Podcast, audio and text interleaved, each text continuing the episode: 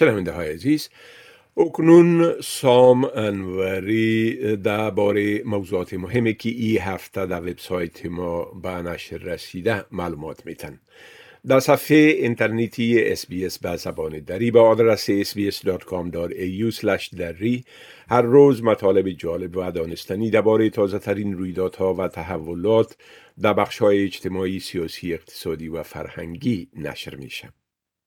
آقای انوری سلام عرض می کنم خب اولتر از همه اگر بگوین که چی وقای مهم در این هفته رخ داده که در وبسایت ما هم انعکاس یافته.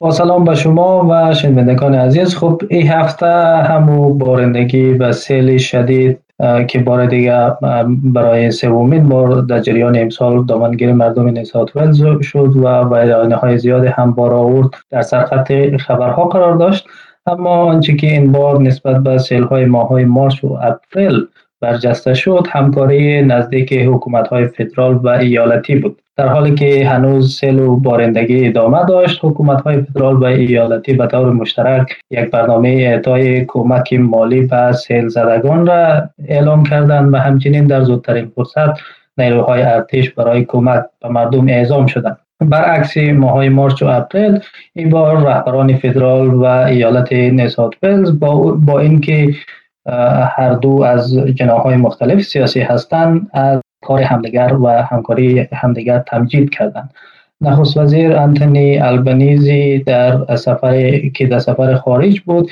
یک روز بعد از بازگشت به کشور از مناطق آسیب دیده دیدن کرد و اعلام کرد که حکومت فدرال کمک های مالی بیشتری را برای خانواده ها فراهم می سازد.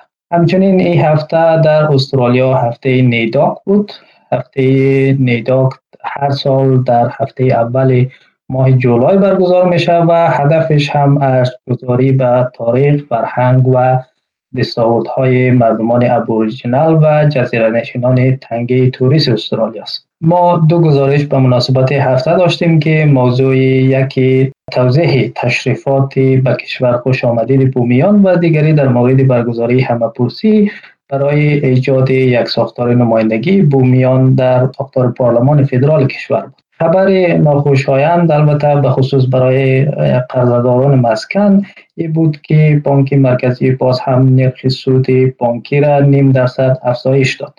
رویداد مهم دیگر در این هفته واجد شرایط شدن میلیون ها استرالیایی دیگر برای دوز چهارم واکسن کرونا بود. همچنین روز جمعه نشست وزیران خارجه گروه 20 در شهر بالی اندونزیا برگزار شد که پینی وانگ وزیر خارجه استرالیا هم در آن شرکت کرد. سناتور وانگ در حاشیه نشست با همتای چینایی خود هم دیدار کرد که این دیدار از اهمیت خاصی در راستای ترمیم روابط تنش آلوده دو کشور برخوردار بود. علاوه بر اینها اخبار و گزارش های دیگری در موضوعات مختلف داشتیم که شنوندگان عزیز ما می‌تونن اونها را در وبسایت ما دنبال کنند بله خب از بلند رفتن نرخ سود برای بار سوم گفتین. اگر در این باره یک مقدار توضیحات بتین لطفا. بله همونطوری که اشاره شد بانک مرکزی استرالیا هفته باز هم تصمیم گرفت که نرخ رسمی سود را نیم درصد دیگه هم بالا ببره. بنابراین نرخ رسمی سود که در ماه گذشته از 0.35 درصد تا 0.85 درصد افزایش یافته بود. در این هفته با افزوده شدن نیم درصد دیگر به یک اشاره سی و پنج درصد رسید. این سومین ماه متوالی است که بانک مرکزی نرخ سود را افزایش میده و انتظار میره که در ماه های آینده هم با همین روی کرد پیش برود تا جایی که کارشناسان اقتصادی باور دارند که ممکن است تا اوایل سال آینده نرخ رسمی سود در کشور به حدود 3.5 درصد برسد. هدف از افزایش نرخ سود مهار تورم فزاینده است که کشور در حال حاضر با آن روبرو است. میزان تورم در استرالیا در حال حاضر 5.1 درصد است و حکومت فدرال هشدار داده که در های آینده بالاتر خواهد رفت. این چیزی است که بانک مرکزی دوست نداره ببینه. بانک مرکزی می‌خواهد که میزان تورم بین دو تا سه درصد بمانه و بنابراین سعی می‌کنه که با افزایش نرخ سود فعالیت در بازار را کم کنه و در نتیجه تورم را هم پایین بکشه در پی تصمیم بانک مرکزی تمام چهار بانک بزرگ استرالیا هم اعلام کردند که نرخ جدید را به مشتریانشان منتقل می‌کنه یعنی که قرضداران مسکن مجبورن سود بیشتری پرداخت کنند با حساب وقتی نیم درصد به سود آنها اضافه میشه قسط ماهانه یک قرضه 500 هزار دلاری حدود 116 دلار در ماه بیشتر میشه. بله. خب از دسترسی به دوز چهارم واکسین کووید 19 گفتین که ای از روز دوشنبه به بعد برای مردم سی ساله و بالاتر قابل دسترسی خواهد بود بله؟ بله همونطور که شما اشاره کردید حکومت فدرال روز پنج شنبه اعلام کرد که به توسعه گروه مشاوره فنی استرالیا در زمینه ایمنسازی یا اتاگی از 11 جولای دوز چهارم واکسن کرونا را برای افراد بالای سی سال قابل دسترس می سازد. اتاگی دوز چهارم واکسن کرونا را به افراد بالای 50 سال توصیه کرده و اما گفته که افراد سی, سی تا 49 ساله هم می‌تونن که به انتخاب خودشان اگر خواسته باشن این دوز را دریافت کنند.